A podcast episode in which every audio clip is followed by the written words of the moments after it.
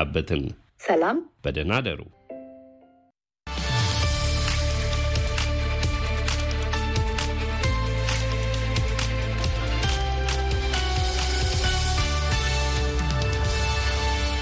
እዚ ብሓፂር ማዕበል 1925 ሜትር ባን ኣብ ቴሌቭዥን ኣብ ሳተላይት ኢትዮሳት ከምኡውን ብመርበባት ዩቱብን ፌስቡክን ካብ 4 ክሳብ 4 ፍረቓን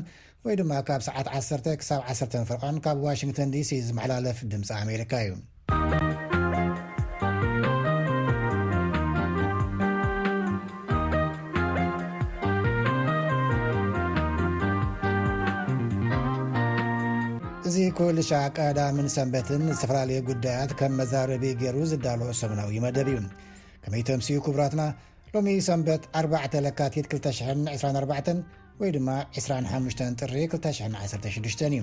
ኣብ ናይ ሎሚ ሰንበት ፈነወና ክልል ትግራይ ኣብዚ ግዜ እዚ ኣበይ ኣላ ኣብ ትሕቲ ዝብል ፍረ ሓሳብ ንሰለስተ ኣጋሽ ዓዲሙ ከዛትኡ ክሳብ ፍፃሜ መደብና ምሳና ክፀንሑ ዝዕድመኩም ተወልደወልደ ገብርኤል እየ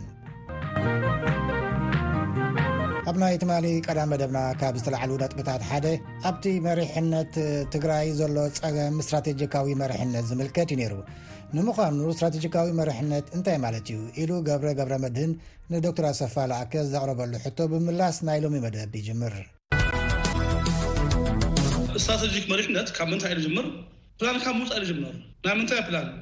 ካብቲ ዕላማካ ዝምንፂ ፕላን ስለዚ ኢድዮሎጂ የለካ እሱ ተፈጥበሉ እስትራተጂ ተፈጥበሉ ድማ ኣብ ሓሙሽተ ዓመት ኣብ ዓሰርተ ዓመት ተፈጥበሉ እስትራተጂ ውን ይህልየካ እዩ ስለዚ እቲ መሪሕነትካ ተኣዮ ዝነረሉ ተሪካ ንኮንካ ከባቢኡን ዓለምን ዘገናዘበ ክጭበጥ ዝክእል ተጥ ናብ ተግባር ክቅየር ዝክእል ፖሊስን እስትራተጂን ህንጸልካ ማለት እዩ ምስ ከባቢ ዝሳነ ምስ ዓለም ዝሳነ ኮንቴክስትካ እውን ኣብ ግምት ውሽጢ ዘእተየ እዩ። ሓደ ካብዞም ክልኤሉ ልዓል። እቲ ካልእ ናይ'ቲ ሌደርሺፕ ኳሊቲ እትብሎ እቲ ዝወጽእ ስትራተጂ እውን ፊዚቢሊቲኡ ቀዲሙ ዘጽንዕ፣ ልቕድሚት ክመርሓካ ዝኽእል፣ ኮንቴክስቱ ተገንዚቡ ፕሪዲክት ዝገብር፣ ሕጽር ብዘለ እዚ ውስን'ዩ ክብለካ ዝኽእል። ወሌ ኣብቲ ናይ ህወሓትን ናይቲ መንግስታዊ መሓውርን ምትሕውዋስ ዝፈጥሮ ዶ ይኸውን እዚ ኣርባዓን ሓደን መዓልቲ ናይ መንግስታዊ ስራሕቲ ዓጺኻ ኣኼባ ምክያድ ከመይ ኢኻ ትሪኦ? ሓደ ናቱ ኣካል እዩ ግን እቲ ንነዊሕ ግዜ ኣኼባ ምእካብ ትሰርሖ ነገር ታይ እዩ ዝብል ውን ግልጺ ዘይምዃን እዩ። ኣብ ወሳኒ ነገር ዘይትውዕል ምዃንካ እዩ ኣነ ምልክት ዝወስዶ። ብባህሪኡ ብሱርት ፓርቲ ንብዙሕ ግዜታት ዝእከብ እዩ፣ ቀደም ኣብ ዕጥቃዊ ቃልሲ እውን ንወርሒታት እተኣከበሉ ግዜ ብታሪኽ ንፈልጥ ኢና። ስለዚ ናይቲ ፓርቲ እውን እዩ ንነዊሕ ግዜ ምጭቕጫቕ። ኣብቲ ናይ ቅድሚ ሕዚ እኳ ዓበይቲ ነገራት ኣፅንዩ ናይ ምኻድ ዝሕግዞ ኣጋጣምታት ነይሮ ወይ መቐይሮ ዘመን ክመፅእ ከሎ ነጥቢ ክቕየር ከሎ ካብ ሓደ ሓሳብ ናብ ካልእ ሓሳብ ክኸይድ ከሎ ዝተወሰኑ ዝሓሹ ሰባት እውን ነይሮም እቲ ዘመን እውን ናይ ኣይዲዮሎጂ ክርክር ዝግበረሉ ዘመን ስለ ዝነበረ እውን ትሽጉሃት ነይርዎም። ሕዚ ኣብ ናይ ብርሃኑ ፅጋብ መፅሓፉ እንተሪኢኻ ሽዱሽተ ዓመት ናይ ሃይለማርያም ዘመን ዝነበርዎ ኣብ ውሽጢ ሰባት እዮም ዘውግዑ። ብዛዕባ ክስቶ ንክስቶ ደጊፉ ሰሪቑ ከምዙይ ኢሉ እዙይ ተዛሪቡ ዝብል ናይ ፓወር ንሕንሕ ናይ ስልጣን ምንሕናሕ እዩ። መን ጉጅለ ደሓን ቦታ ሓዘ መን ኣይሓዘን ኣብዚ ዝብል እዮም ዝውዕሉ። ኣብ ማይክሮ ማነጅመንት እዮም ስዃዕ ንብዙሕ ግዜ ይወስደሎ ስእሉ ተራባእሲ ስለ ዝኾነ ማለት እዩ ኣብቲ ማዕዲ ዝጠቅም ስትራቴጂክ ቪዥን መንገዲ ኣንፈት ዝብልዎ ዝነበሩ ኣብኡ ኣይኮኑን እሱ ክሓፅረልካ እውን ይኽእል እዩ ቀሊል እዩ ካብኡ ብኡ መሰረት ናብ ስራሕ ዝኣሱ ሰባት ሕጊ ስለ ዘይኽበር ሕጊ ዘለዎ ዓዲ ኣይኮነን ትፈልጥ ኢኻ ንብዙሕ ግዜ ክብለካስ ምምሕዳራዊ ስጉምቲ እዮም ዝወስዱ ዝኾነ ፀገም ተሃልዩ ብሕጊ ተኾይኑ ነገራት ብጣዕሚ ክሓፅረልካ ይኽእል እዩ ኣብ ስርቂ ዘሎ ኣብ ካልእ ዘሎ እንድሕር ብሕጊ ትሕዞ ተኾይንካ ሰጥ ኢሉ ናብ መስመሩ ክኣቲ ይኽእል እዩ ካብ እቶም ዝቀረዩ ሓደ ሓደ ነገራት እዮም ወይ ካዓ እቶም ዓበይቲ ጉዳያት ጥራሕ ኢኻ ተውግዕ ክሓጽረልካ ይኽእል እዩ ስለዚ ሓደ ንሱ ኣሎ ካልኣይ ግን ከምቲ ዝበልካዮ መንግስትን ውድብን ዝተሓዋወሰ ስለዝኾነ ነቲ ናይ ህዝቢ ስራሕ ገዲፍካ ኣብ እንዳ ውድብ ከፍ ኢልካ ምውዓል ማለት እዩ። ሕዚ ንበይኖም ከም ውድብ ንክልተ ዓመት ዋላ ተተኣከቡ ኣነ ኣየእትወንን። ግን ናይ መንግስቲ ስራሕ ዓጽዮም ከውግዑ ከለዉ እቶም ሰባቶም ብምሉኦም ናብኡ እዮም ዝኸዱ ዘለዉ። እቲ ካልእ እውን ታሕተዋይ ካድረ ከጸናጽን እዩ ዝውዕል ፎከስ የብሉን። ሕዚ እኳ ዝተዘርገሐ ማሕውር እውን የለን። ስለዚ እቲ ናይ መንግስቲ መስራቤታት ቀበሌ ዝህብ ዘብል የለን፣ ፖሊስ ጸጥታ ገለ ዝከታተል ዕለታዊ ኣመራርሓ ዝህብ የለን። ኩሎም ኣብ ሓደ ገዛ እዮም ዝውዕሉ ዘለዉ። ስለዚ ንሱ ንሱ ዝፈጠሮ እውን እዩ ግን ንቕድሚት ክንፈትሖ ኢና እዚ ነገር እዚ ተስማዕሚዕና ይብል ኣብቲ ናይ ሎማዕንቲ መግለጺ ከም ውሳነ ሓሳብ እዩ መጺኡ። ዲፎልት ክኾን ዝነበሮ ነገር እዩ ብስሩ ከም ዓብዪ ነገር ሒዞሞ መጺኦም ግን ካዓ ሕዚ ከመይ ኢኻ ትኣምኖም ብዙሕ ቃል ተኣትዩ እዩ ቅርብ ፈቲሕና ጸገብና እቲ ይቅርታ እውን ናይ ሎማዕንቲ ጥራሕ ኣይኮነን ባይዘወይ ብዙሕ ግዜ ንኣብነት ጌታቸው ብዝኸዶ ይቅርታ ይብል ደብረጽዮን ብዝኸዶ ይቅርታ ይብል ኣብ ዝወዓልዎ ኣኼባ ይቅርታ እንዳበሉ እዮም ዝመጹ ለውጢ ግና ኣይረኣናን። ስለዚ መንግስትን ውድብን ፈላሊና ክንቅጽል ኢና። በዚ ሕጂ ነናይ ባዕልና ስራሕ ክህልወና እዩ። ስለዚ እቲ ኢምፕሊኬሽኑ ኣኼባታት እውን ክሓጽሩ ይኽእሉ እዮም፣ ስራሕ እውን ቶሎ ክነቕርብ ንኽእል ኢና፣ ዝኾነ ነገር ደሊቨር ክንገብር ንኽእል ኢና ዝብል እዩ እቲ ክበሃል ተደልዩ ዘሎ። ንምንታይ ኢኻ ትኣምኖም? ቅድሚ ሕዚ ከምኡ ኢሎም ዘይገበርዎ ብዙሕ ግዜ ዝጸንሑ እዮም እየ ክብል ዝደሊ። ኢሳያስ ስምምዕ ፕሪቶርያ ኣሎ ድዩ ኢሎም ንዝሓቱ ሰባት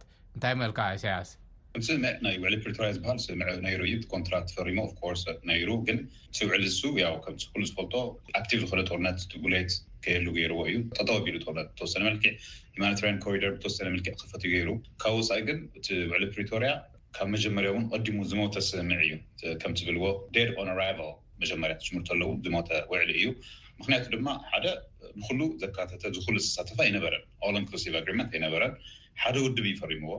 ከም ህዝቢ ከም መንግስቲ ትግራይ ዘይኮነስ ከም ውድብ እዩ ተፈሪምዎ ቲፒኤልኤፍ ምስ ናይ ፌደራል መንግስቲ ኢትዮጵያ ዝበሃል እዮም ፈሪምዎ ካልኣይ ፀገም ውሱ እዩ እንደን ናይ ኣፈፃፀማ መንገዲ እውን የብሉን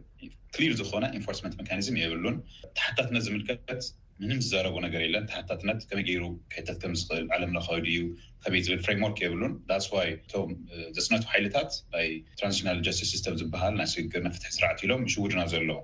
ሳልሳይ እቶም ዝፈራረሙ ኣካላት ኢንክሉዲንግ ኣፍሪካን ዩኒየን ኣብቲ ምጽናት ዓሌት ዘበረታትዑ ዝድግፉ ዝነበሩ ሰባት እዮም ሕብረት ኣፍሪካ ብዝርዝር ምኻደይ ኣድላይ ኣይኮነን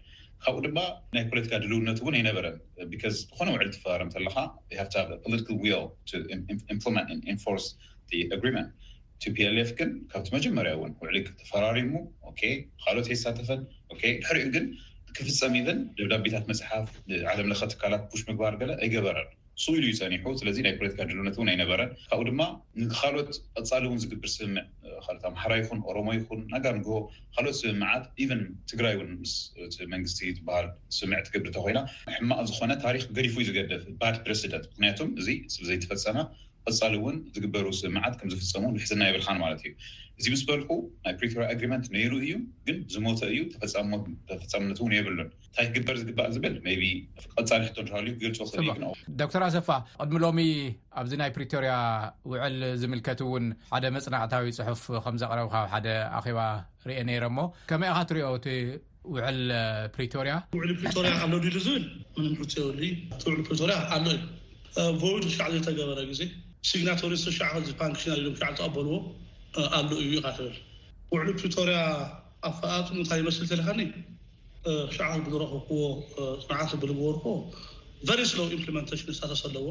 እቲ ናይ ፕሪቶርያ ውዕሊ ክፍረም ከሎ ዝነበረ ኮንቴክስት ኩላትና ንግንዘቦ ኢና ምድጋም የየድልን። ኦልሞስት ኣብ ክልተ በልጅረንትስ ዝተገበረ ስምምዕ ዘይኾነስ ኢት ዋዝ ኤ ካይንድ ኦፍ ዲክታት እዩ ነይሩ። እዙይ ግበሩ ተይልካ ዝተፈረመ ውዕሊ ነይሩ ኢለ ድኣምን። ምክንያቱ ከም ፒርስ ኣግሪመንት ከማልኦም ዝግብኡ ዓበይቲ ባእታታት ዘየማለኣ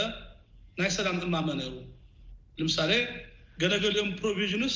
ኢምፕሊመንተሽን ዴድላይን የድልዮም ነይሩ። ኢምፕሊመንተሽን ዴድላይን ልበሃል ነገር። መዓዝ ክፍፀሙ ከም ዘለዎም መዓልቲ ዘይምቕማጥ ማለት እዩ። እንግሊዝኛ ስለ ትሓውስ ዘለኻ እየ ሕማቕ ዝዛረብ ዘለኹ። ንፁር ዝኾነ ናይ ሰላም እማመ ብዙ መዓልቲ ዝይፈፀም እዩ ይብል። ኣብ ናይ ፕሪቶርያ ኣግሪመንት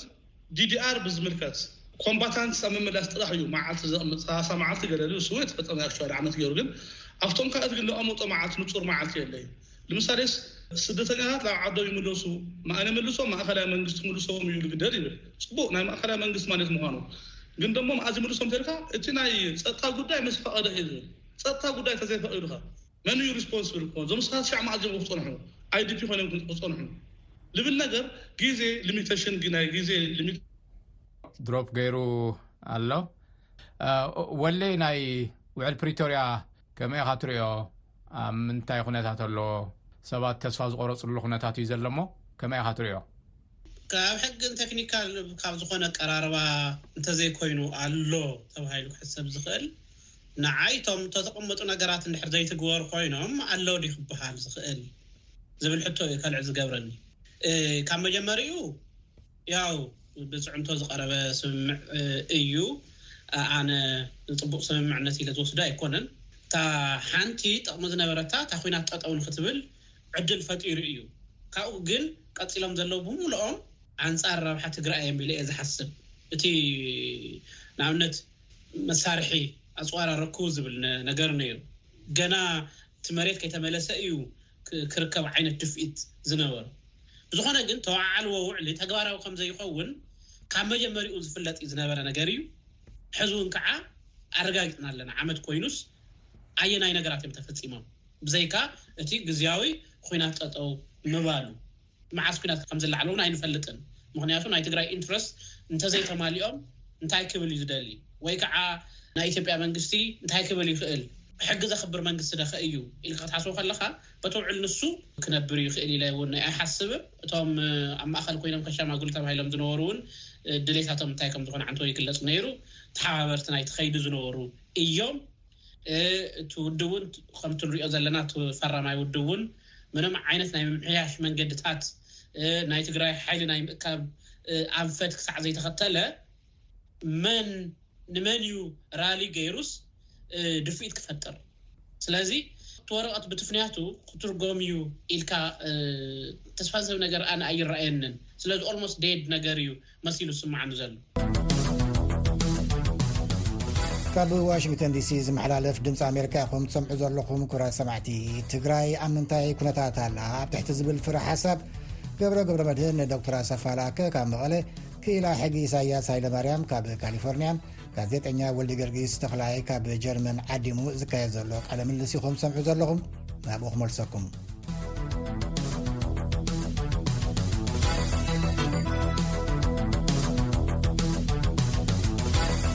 እዚ ኣብ ትግራይ ይረአ ዘሎ ሓሳባት ብነፃ ናይ ምግላፅ ከይድታት ዓበይቲ ኣኼባታት እናተሳልጡ እቲ ሰብ ኣብ ኣኼባ ከም ድላዩ ሓሳባቱ ይገልጽ፣ ኣብ ማሕበራዊ ሚድያ እውን ኣብ መቐለ ኣብ ትግራይ እናነበረ ከም ድላዩ ይዛረብ። ዝካየዱ ዓበይቲ ኣኼባታት ብዙሓት ሓሳባት እውን ክቐርቡ ይስምዑ። እዚ ኩነታት እዚ ከመይ ኢኹም ትርእይዎ? ከም ስርዓት ኣልቦነት ወይስ ደፊኡ ይመጽእ ዘሎ ክስተት ሓሳባት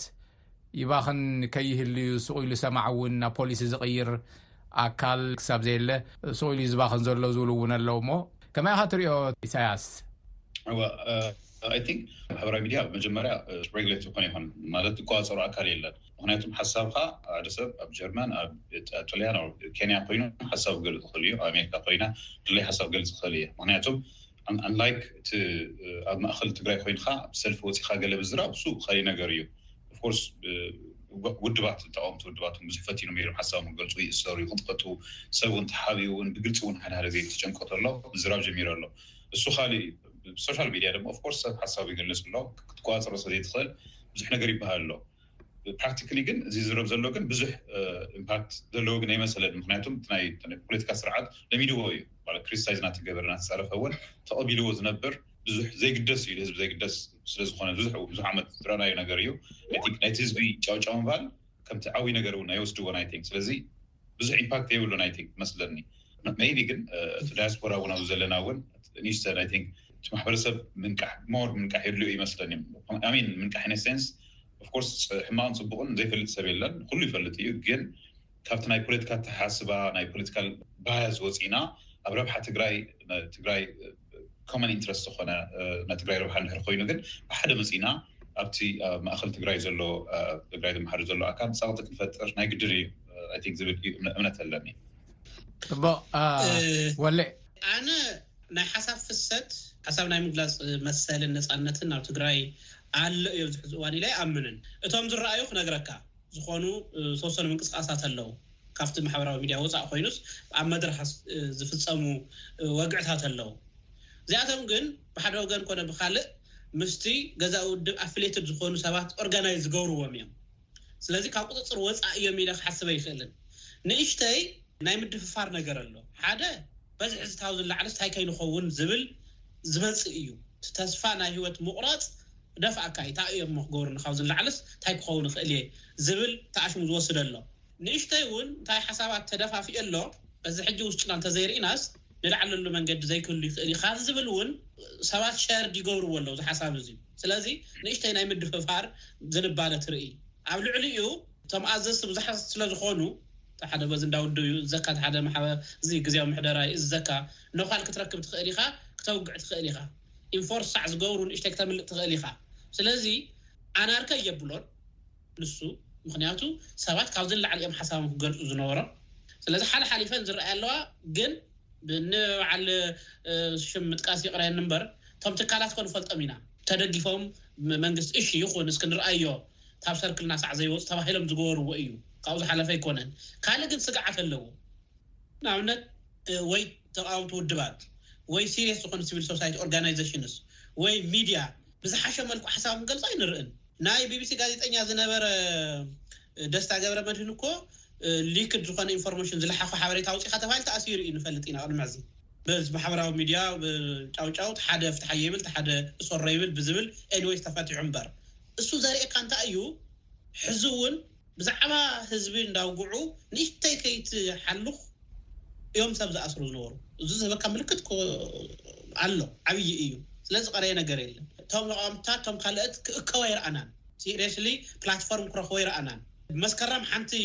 ሰላማዊ ሰልፊ ነይራ እንታይ ከም ዘምፀት ነስታውስ ኢና ስለዚ ተሃዋሁይ ከምዘየለ እዩ። ስለዚ ተጠንቂቅካ ኢኻ ክትዛረብ እውን እንተልዩኳ ሰንሰር ክትገብር ኢኻ ማለት እዩ ምኽንያቱ ብሕጊ ብዝሓሸ ስነ ምግባር ዘለዎ ፖሊስ ተዋዲዱ ዝሰርሓሉ ዓዲ ኣይኮነን ኢንተረስት ግሩፕስ ከጥፍኡኻ እውን ከም ዝኽእሉ ሓሲቦም ዝፈርሑ ሰባት ብዙሓት እዮም ኣነ እኳስ ብኣካል ክፈልጦም ዝኽእል ማለት እዩ ሓሳቦም ከይገልፁ ዝቁጠቡ ማለት እዩ ስለዚ ኣብዚ ከባቢ እዩ ዘሎ ካብ ኩሉ ግን ታይ እዩ እሞኸ ተበታቲኖም ተውግዑኸ እንታይ እዩ እንድሕር ነዚዩ ትርጉም ዝህብ ትራንስሌት ዝገብር ናብ ፖሊሲ ናብ ካልእን ዝወስድ ኣብኡ ከፍ ኢሉ ዝሰምዕ መሪሕነት ተዘይሃልዩካ ናይ ሓባር እቲ ፍልጠት እንዳተንሸራሸረ ዳሕራይ ኩሙለቲቭሊ ብሓንሳእ ንምድፋእ ከገልግል ተዘይኮይኑ ንማሕበራዊ ልቕሓት ከገልግል ተዘይኮይኑ ንሕዚ ብህፁፅ ዝትርጎም ኣይኮነን ናብ ዝኾነ መስርሕ ስለዚ ንሱውን ጸገም ኣሎ ምክንያቱ ውሁድ ዝኾነ መሪሕነት ክሳዕ ዘይብልካ ማለት እዩ ኣንፈት ካብን ኣይነጸርካን ስለዚ ሰባት ይዛረቡ ኣለው ግን ዝወስደሎም ከሎዶ ዝብል እውን የስጋዓካ እዩ ካብቶም ውሕዳት ዝዛረቡ ዘለው ማለተይ እየ። ናይ መወዳእታ ሕቶይ ሕዚ ትግራይ ኣብ ከምዚ ዝበለ ኩነታት ኣላ። ጥሜቱ፣ ምቑራፅ ተስፋ፣ እዚ ኩሉ ተመዛበልቲ ናብ መረበቱ ከይተመለሰ፣ ናይ ትግራይ ሕገ መንግስታዊ ግዝኣታት ወሰን ኣብ ዘይተመለሰሉ፣ ኣብ ኢትዮጵያ እውን ውክልና የብላን። ካብዚ ተደራራብን ዝተሓላለኸን ፀገም ከመይ ምውፃእ ይከኣል? ናይ መፍትሒ ሓሳባትኩም ኣቕርቡ። ኢሳያስ። እቲ መብዛሕትኡ ጸገም እቲ ጠቕለል ኣቢልና ክነቕምጦ እንተለና ናይ ፖለቲካ ጸገም እዩ። ናይ ፖለቲካ ጸገም ድማ ናይ ፖለቲካ መፍትሒ እዩ ዘድልዮ። ብዙሕ ምባል ይከኣል እዩ ግን ሕጽር ኣቢለ እሱ እዩ ጸገሙ። ስለዚ ግን ካመይ ጌርና ክንፈትሖ ለብልብ እንተተለና እቲ ፖለቲካ መፍትሒ ከመይ ክግለጽ ዝኽእል ብዙሕ መንገዲ ኣሎ። ሓደ ናይ ትግራይ ጸገም ንምፍታሕ ናይ ፖለቲካ ጸገም እንድሕር ኮይኑ ንሓደ ውድብ ጥራሕ ተዋሂቡ ክተርፍ የብሉን። ንሓለፈ ሰላሳ ኣርባዓ ዓመት ፈቲኑ ፈቲኑ ፈቲኑ። So ህዝቢ ትግራይ ከም ላቦላቶሪ፣ መመከሪ ይኮና ናይ ፖለቲካል ፕሮብለም ናተፈተና ፌል ትገብር ተሎ ትወድቅ ተሎ ተጋጊና በስቢስና ገለ ገለ ናበሉ ገምጋም ምንም ምንም ዝፈጥሮ ነገር የለን ስለዚ እንታይ ክኮን ይግባእ ድሕሪ ገዲም እቲ መማረፂ ናይ ፖለቲካ ሓይሊ ኣብ ትግራይ ዘሎ ኣልተርናቲቭ ፖለቲካል ግሩፕስ ህውሓት ቆርሚሙ ዝህቦም ናይ ፖለቲካ ምሕዳር ተወሲኖም ክቅፅሎ ይግባእ ድሕሪ ገዲም ቲፒኤልኤፍ ጥራሕ ቆርሚሙ ብልቦም መንገዲ ጥራሕ ድሕሪ ገዲም ክቅፅል የብሎምን ባዕላቶም ወሰንቲ ክኮኑ ይግባእ እዩ ናይ ትግራይ ፀገም ንምፍታሕ ቲፔሌፍ ጥራሕ ኣይኮነን ወሳኒ ክኾን ዝግበኦ እቶም ኣማረጽቲ ሓይልታት ናይ ባዕላቶም ለቨረጅ ክገብሩ ይግባእ እዩ ሓደ እዚ እዩ ኻልኣይ ተሓታትነት ናይ ፖለቲካል ሊደርሺፕ ናይ ፖለቲካ ኣመራርሓ ትጋገ ተሎ በስቢሰ እየ ዓርሰ ገምጋም ዓርሰ ነቐፊታ እናበለ ናሻወደ ክቕጽል የብሉን ተሓታትነት እውን ክመጽእ ኣለዎ ኣብዚ ዓዲ እዚ ሓደ ካምፓኒ ዝመርሕ ሰብ እንድሕር ፌል ገይሩ ካምፓኒ እንድሕር ወዲቑ ክእሰር እውን ይኽእል እዩ ይሕተት እዩ ካብ ስርሑ ይባረር እዩ ብዙሕ ነገር ኣለዎ እዩ ናብ ኻሊእ ካምፓኒ ኸይዱ ሓላፍነት ኣይቁፀር ድሕሪኡ ኣይቆፅርዎን ምኽንያቱ ሕማቅ ባድ ትራክ ሬከርድ ኣለዎ ካምፓኒ ፌል ዝገበረ ሰብ ስለዝኾነ እቲ ሲኢኦ ዝቆፅሮ ሰብ የለን ድሕሪኡ ብጣዕሚ ኸቢድ እዩ ዝኸውን ንዓዲ ዘመሓድር ልዕሊ ሓደ ሚልየን ህዝቢ ክሞት ዝገበረ ወይ ድማ ክሞት ተሎ እውን ፀገም ክፈትሕ ዘይኸኣለ ወይ ድማ ፀገም ከምዝመፅእ ቐዲሙ ክሪኢ ዘይኸኣለ ኣመራርሓ ብገምጋም ዓርሰ ነቐፌታ ገሊሉ ክሽውዶ የብሉን እዚ ክፍለጥ ይግባእ እዩ እቲ ማሕበረሰብ ድማ ኮንሸስ ክኾን እውን ኣለዎ ኦፍኮርስ ብዛዕባ ትግራይ ዘይፈልጥ ሰብ የለን ኦፍኮርስ ኹሉ ፈላጡ እዩ ኹሉ ንቑሕ እዩ ግን ካብ ናይ ፕልትክል ባያስ ወይ ድማ ናይ ፕልትካ ውግንና ነጻ ኮይና ብፍላይ ኣብ ዳያስፖራ ዘሎ ትኾን ነገር ትኾን ተሎ ናይ ኣብ ትግራይ ዘሎ ቴምፕሬቸር ናረየ እዩ እቲ ህዝቢ ትኾን ነገር ትኾን ተሎ ትሪኦ ትፈልጦ ኢኻ ብሓደ ሳይድ ዘሎ ልቲ ውድብ ዝድግፍ ኣሎ ዝቃወም ኣሎ ተቃወምቲ ደገፍቲ ኣሎ ኒውትራል ዝኾኑ ሰባት ኣሎ ግን ዋና ነገር ግን ሓባር ዝኾነ ሓባር ዝኾነ ቫይታል ኢንትረስት ኦፍ ትግራይ ናይ ትግራይ ሓባር ረብሓ ዝኾኑ ነገራት ኣሎ ዋላ ናይ ፖለቲካ ውድብ ምዃን ገለ ግደፎ እሞ መሰረታዊ መሰረታዊ ዝኾኑ ንኹሉ ብሓደ ዘምፅኡ ነገራት ኣብኡ ትኾን ተሎ ብሓደ ምስራሕ ይድሊ እዩ እዚ ብክላይ ድማ ንህዝቢ ትግራይ ናብ ሓደጋ ዘውድቑ ነገራት ወይ ድማ መሰረታዊ ረብሓ ትግራይ ዝትንክፉ ነገራት ተጋጥም ተሎ ምስ ካልኦት ሓይልታት ኣብ ዝህልወና ርክብ ንፁር ዝኾነ ናይ ፖለቲካ ኣቋምካ ለይምርኣይ ወይ ድማ እንታይ እዮም ዝብልዎ ትረብ ስሶም ሳይንቲስት ቬግነስ ማለት ስትራቴጂክ ቬግነስ ዝበሎ ነገር ኣሎ ፈሊጥኻ ኣቋምካ ለይተፍልጠሉ ንኣብነት ኒውትራል ኮይንካ ምጽናሕ ብውግእ ክኾን ይኽእል፣ ኣብ ማእከል ክልላት ዘሎ ርክብ፣ ምስ ኤርትራ ውን ዘሎ ርክብ፣ ኸዚ ዘሎ ኩነታት ክኾን ይኽእል እና ኣብ ተፈላለየ ነገር ትግራይ ኣድላይ ዘይኮነ መስዋእትነት ከይንኸፍልን ኣብ ሓደጋ ከይንወድቕን ስትራተጂክ ቬግነስ ውን ኣድላይ እዩ፣ ኒውትራል ቱ ሜንቴን ኒውትራሊቲ ፎር ፎር ሰም ታይም ክሻዕ ዝተወሰነ ግዜ። ካብኡ ድማ ኣብ ዳያስፖራ ስትሮንግ ዝኾነ ዳያስፖራ ውን የድልየና እዩ፣ ምኽንያቱም ናይ ካልኦት ዓድታት ተሞክሮ ውን ኣብ ልሓለፈ ግዜ ኣብ ልኾነ ቃለ መሕተት ኣልዒለዮ ነይረ፣ ናይ ካልኦት ዳያስፖራታት ተሞክሮ ውን ምርኣይ ጽቡቕ እዩ፣ ፎር ኤግዛምፕል፣ ናይ ጅውሽ ዳያስፖራ ስቴት ኦፍ እስራኤል ትምስረት ተላ ኣብ ደገ ዘሎ ዳያስፖራ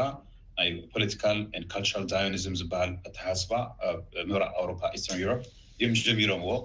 እስራኤል ንክትምስረት ኣብዚ ንክበጽሑ እቲ ዳያስፖራ እስራኤል ኸፊድ ግደ ኣለዎ ኣብ ትግራይ እውን ኣብ ናእሰይ ናይ ዳያስፖራ ትግራይ ፖለቲከኛ ክኾን ማርሓ ክኾን ገለ ሓሙታት ኣይኮነን ሲምፕሊ ግን ብዙሕ ፍልጠት ብዙሕ ሪሶርስ ገንዘብ ተሞክሮ ውን ዘለዎ ኣካል ስለ ዘሎ ኣብ ትግራይ ከቢድ ፅዕንቶ ክፈጥር ኣብ ትግራይ ከቢድ ክዞር ካብ ፀገም ክትወፅእ ክሕግዝ ዝኽእል ዓቕሚ ዘለዎ ሓይሊ ስለ ዘሎ ናይ ዳያስፖራ ግደ ብጣዕሚ ከቢድ እዩ but እዚ ክኸውን ዝግባእ ግን እዚ ዳያስፖራ ውን ካብ ፖለቲካዊ ውግንና ናይ ውልቀ ሰብ ረብሓ ሓደ ሓደ of course ባዕሉ ተጠቃሚ ንክኾን ጥራሕ ንባዕሉ ጥቕሚ ጥራሕ ውን ዝገብር ክህልው እዩ of course ምስ ትግራይ ዘለና ርክብ ኸዚ ትግራይ ብምርዳእ ምሕጋዝ ትግራይ ፀገም ትግራይ ንምፍታሕ ክኾን ይኽእል እዩ ናጋንጎ ግን ኣብ ማእኸል ትግራይን ኣብ ዳያስፖራን ዘሎ ርክብ ብኡ ጥራሕ ኣይኮነን ንትግራይ ሃንዳውት ዝህብ ረድእ ተይኮነስ ባዕሉ እውን ኢንቨስት ገይሩ ፍልጠቱ ተሞክርኡ ገይሩ ብባዕሉ እውን ተጠቒሙ ትግራይ እውን ዝጠቅም እውን ክኸውን ዝኸለሉ ዕድል እውን ይፅበ ኤክስፔክት ይገብር እዩ ቐፃሊ ስለዚ ኣብ ዳያስፖራ ንትግራይ ወሳኒ ኣካል ስለዝኾነ ናይ ግደ ዳያስፖራ እውን ብደንቢ ንፁር ኾይኑ ብፅቡቕ ክኸድ ይግባእ እዩ ካብኡ ኣይ ቲንክ ካብ ወፃኢ እቲ ውድብ ኸዚ ዘሎ እውን ኣብ ስልጣን ድሕሪ ዝቕፅል ኾይኑ እንድሕር ቐፂሉ of course ክቕፅል እዩ for some time I guess ዝመስለኒ so እቲ ናይ ፀገም ትግራይ ንክፍታሕ ብጣዕሚ ለቨረጅ ክገብር ይግባእ እዩ ውዕሊ ፕሪቶርያ ምስ ተፈረመ ንኣብነት ደብዳቤ ይፅሓፉ ምኽንያቱ ኣብ ዝተፈላለዩ ትካላት ይሳተፍ ነይረ ኣመራርሓ እውን ከም ኣባል እውን እና ኢቨን ናይ ፕሪቶርያ ውዕሊ ፕሪቶርያ ክፍፀም ኣብ ሕቡራት መንግስታት ኣኼባ ክትግበር ተሎ በጃኻትኩም ደብዳቤ ይፅሓፉ ከምዚ በሉ ከምዚ በሉ ብሱሩ ኢግኖር ገይሮሞ ነይሮም ኢቨን ኣብ ዳያስፖራ እውን ምስቲ ውድብ ርክብ ዘለዎም ሃደ ሃደ ምናምን ትሕተት ተሎ እቲ ውድብ ዝደልዮ ነገር ጥራሕ እዮም ዝገብሩ ዳያስፖራ ኮይኖም እውን ኮች ዝግበሩ ኣክቲቪስት ዘሎ ኮች ዝግበሩ ናይ ሚድያ ሰባት ተሎ ኮች ዝግበሩ እቲ ናይ ትግራይ ዘሎ ቴምፕሬቸር እናሰምዑ እዮም ዝገብሩ ስናት ኣባብ ትግራይ ብዛዕባ ህዝቢ ትግራይ ዘይኮነስ እቲ ውድብ ዝፈትዮ ነገር ትኾን ተሎ ይገብሩ ፀሎት ትኾን ተሎ ነገር ስቕ ይብሉ ሓደ ሓደ ግዜ ብቃ ሳይለንት ይኾኑ ትዕዘቡ ትሪኦና እንታይ ልማለት እዩ ኣፈፃፅማ ከምቲ ዓንተው ዶክተር ኣሰፋ ዝገለፆ ናይ ፕሪቶርያ ስምምዕ ይኹን ካልኦት ነገራት ናይ ፖለቲካል ኣግሪመንት ክኾን ይኽእል ስትሪክት ዴድላይን ኣቕሚጦም ብዚ ሰዓት እዚ ብዚ መዓልቲ እዚ ክፍፀም ኣለዎ ኢሎም እውን ምሕታት ክጅምሮ ኣለዎ ኣበይ ወሲኑ ብዝቦም ኣበይ ኮሽና ገበሮም ዝግበረ ትግበር እናበሎም ልኡ እንድሕር ትኽተሉ ኮይኖም እዚ ብጣዕሚ ከም ህዝቢ እውን ውርደት እዩ ህዝቢ እውን ሓደጋ ወድቕዎ እዮም ስለዚ ኣይ ቲንክ እዚ ብጣዕሚ ወሳኒ እዩ መጨረሻ ናብ ቴክኒካል ዝኾነ ነገር ለምኻድ ውዕሊ ፕሪቶርያ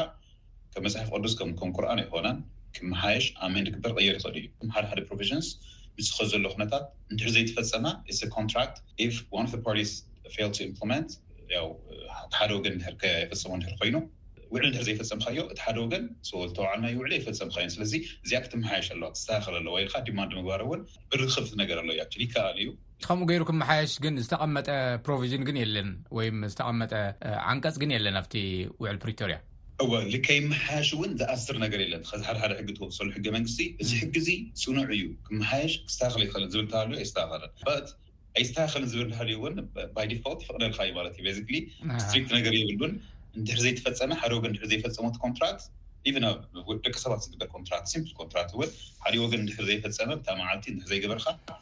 ኣይ እዛ ነገር እዚኣ ኣይፈጸምካያን ስለዚ እዛ ነገር እዚኣ ነመሓይሻ እታ ውዕሊ ኣሜንድ ይግበር እዩ ምሓሽ ንኣብነት ናይ እቲ ኣካውንታብሊቲ ዝምልከት ኸዚ ዓለም ለኸ ትካላት ኻልኦት ዓድታት እውን ኣብ ተሓታትነት ክሳተፉ ምግባር ይከኣል እዩ ኢንስቴድ ኦፍ ናይ ትራንዚሽናል ጃስቲስ ሲስተም ዝበሃል ኻልኦት ዓድታት ዘሳትፍ ክትገብሮ ትኽእል ኢኻ ካልኦት ካልኦት ነገራት እውን እቶም ወሰንቲ ዝኾኑ ዓናቕጽ ምምሕያሽ ይከኣል እዩ ብዚ ኣጋጣሚ እዚ ወሌ ካብዚ መውፅኢ መንገዲ ትግራይ ዝኩሉ ቅልውላው ፀይራ ትኸይድ ኣላ እቲ ህዝቢ እውን ነዚ ፀይሩ እዩ ዝኸይድ ዘሎ እሞ ካብዚ መውፅኢ መንገዲ መፍትሕታት ሓደ ክልተ ኢልካ ተቕምጦም ነገራት መፍትሒ ሓሳባት። ኣነ መፍትሒ ኢለ ዝሓስቦ ሓደ ሕዚ እውን ካብቲ ካብ መሪሕነት ዝጅምር ነገር እዩ ማለት እንታይ ኣሎ ሓላፍነት ዝወስድ ኣካል ክህሉ ክኽእል ኣለዎ ብዙሕ ግዜ ኣብ ትግራይ ፖለቲካ እንታይ እዩ ኩሉ ስሕተተኛ ገይርካ ናይ ምውሳድ ነገር ኣሎ ዝኾነ ዝሓሸ ነገር ክህሉ ከሎ ካዓ ካብ ኩናት ወፃእ ንሕና ኢና መሪሕናዮ ንሕና ኢና ፈፂምናዮ ካዓ ይብለካ ብመሰረቱ ኩሉ ማሕበረሰብ ሕድሕድ ሰባት ንኸምዚ ዓይነት ነገር ተሓተቲ ክኾኑ ኣይኽእሉን ሓላፍነት ወሲዱ ከፈፅም ክሰርሕ ዝግበኦ ክመርሕ ዝግበኦ ኣካል ክህሉ ክኽእል ኣለዎ ሓላፍነት ካብ መራሕቲ ጀሚሩ እንዳበልና ክንከድ ንኽእል ኢና ግን ብጅምላ ናይ ምኻድ ወሪድና ኣለና ፀጊምና ኣሎ ከምዚ ኮይና ኣሎ ይብለካ እሞ ሓላፍነት እንድሕር ዘይትዕድል ኮይንካ ተሓታቲ የብልካን እቲ ስራሕ ውን ኣይሰራሕን ስለዚ ሕዚ ስትራተጂክ ዝኾነ መሪሕነት ድኽመት ኣለና ኢሎም ሕዚ ከ ተኣኻኺቦም ብምምጻእ ክምልስዎ ይኽእሉ ዶ ከምኡ ዓይነት ኣመራርሓ ክህቡ ዶ ይኽእሉ ዶ ተልካ ክምለስ ዝኽእል ነገር ኣይኮነን ናይ ብዙሕ ድምር እዩ እሞ ስእሎም ናይ ናይ ሰባት ኣይኮኑን ሓዱሽ ዝመጸ ሰብ ድማ የብሎምን መሰረታዊ ዝኾነ ናይ ኣተሓሳስባ ለውጢ ውን ኣይገበሩን ስለዚ ታክቲካል ነገራት ተዘይኮይኑ ንጥፈታት ዝኾይኖም ነገራት ተዘይኮይኖም ሓዱሽ ዘምጽዎ ነገር ክህሉ ይኽእል ኢለ ኣነ ኣይሓስብን። እቲ ሕዚ ዘሎ ኩነታት ድማ ዝጥይቕ ዘሎ ሓደ እቲ ሰብ ብጣዕሚ ተሸጊሩ ተጸጊሙ ይመውት ኣሎ ይጠሚ ኣሎ ብዙሕ ወገኑ ሞይትዎ ኣብ ሓዘን ዘሎ እዩ ግዝኣት ዘይተመለሰሉ እዩ ብዙሕ ተኣሲሩ ዘሎ እዩ ስለዚ ናብ ዝኾነ ዕላማ ክለዓዓል ተኾይኑ እኳስ መለዓል መንገዲ ከ የድልዩ ሓዱሽ ነረቲቭ የድልዩ እዩ። መን እዩ እዙይ ክገብሮ? ቅቡልነት ዘለዎ መሪሑ ሰብ ከውፍር ዝኽእል መን እዩ? እዙይ ንግበር ክበሃል ከሎስ ኩሉ ነገሩ ክህብ ብዝኽእል መልክዑ ዝተዋደደ ኣመራርሓ ዝህብ መን እዩ? ብጣዕሚ ዝተኸፋፈለ ማሕበረሰብ ኣለና ዲያስፖራ ከመይ ኣክት ይገብር ከምዘለሎ ንርኣዮ ኣብ ትግራይ ውሽጢ ዘሎ ስደት እዩ ኮይኑ ድሌቱ ብዙሕ መንእሰይ ስለዚ ተስፋ ውሂቡ ኣክቹዋሊ እዚ ነገር'ዚ ክስራሕ ይኽእል እዩ፣ ናብ'ዚ ክንከድ ክንሻገር ንኽእል ኢና ኢሉ ክሓስብ ዘግብር ሓደ ኣንፈት የድሊ እዩ። ነቲ ኣንፈት መፈጸሚ ዝኾነን መነቓቕሒ ሰብ ዝኸውን ነረቲቭ ሓድሽ የድልዮ እዩ። ነዚ ከኣ ኮሚትድ ዝኾነ መሪሕነት የድሊ እዩ። ስለዚ ናይ ቅልውላው ግብረመልሲ ዝህብ ስትራተጂ የድሊ ኢለ እያ ዝሓስብ። ሕዚ ንኣብነት ኣብ ትግራይ ዝሕሰብ ዘሎ ፕሪቶርያ ከም መፍትሒ መንገዲ ካብኡ ከኣ እቲ ግዝያዊ ምሕደራ እቲ ዝተለመደ መንግስታዊ ስራሕቲ ብምስራዕስ ነገራት ክምለሱ እዮም ኢልካ ናይ ምሕሳብ እዩ። ምክንያቱ ሓዱሽ ፔፐር ዝረከብናዮ የለን፣ ንቅልውላው ሪስፖንስ ዝኸውን ስትራተጂ ዝወፀ የለን። ስለዚ ነዚ ዘውፅእ ናይ ቅልውላው ምሕደራ መንግስቲ ናይ ሓባር የድሊ ኢለ እየ ኣነ ዝሓስብ። ካልእ ሰባት ዝኻተትሉ ክራይስ ሪስፖንስ ስትራተጂ ኣውፂኡ ክሰርሕ ዝኽእል መንግስቲ የድሊ እዩ። እዚ ከዓ ብሕወሓት ጥራሕ ዝግበር ክኾን ኣይኽእልን። ስለዚ ንዑ ኣነ ክፅውዕ ዝኽእል። ካብኡ ጸኒሑ ከኣ ናብ ምርጫ ከይዶም ዘሸነፉ የሸንፉ። ስለዚ እቲ ቅድሚ ሕዚ ሚስ ዝገበርዎ ዝሰሓትዎ ነገራት ተመሊሶም ጉልበት ብዝእክብ ዓቕሚ ብዝእክብ ክሰርሑ ክእለ ኣለዎም ኢለ ኣነ ዝሓስብ ካብኡ ግን ሕጊ ዘኽብር ዓይነት ነገር ሕዚ ውን ሕጊ ዘይተኽብር ተኾይንካ ሓደጋ እዩ ኣብ ከምዚ ዓይነት ብጣዕሚ መጻብብ እዋን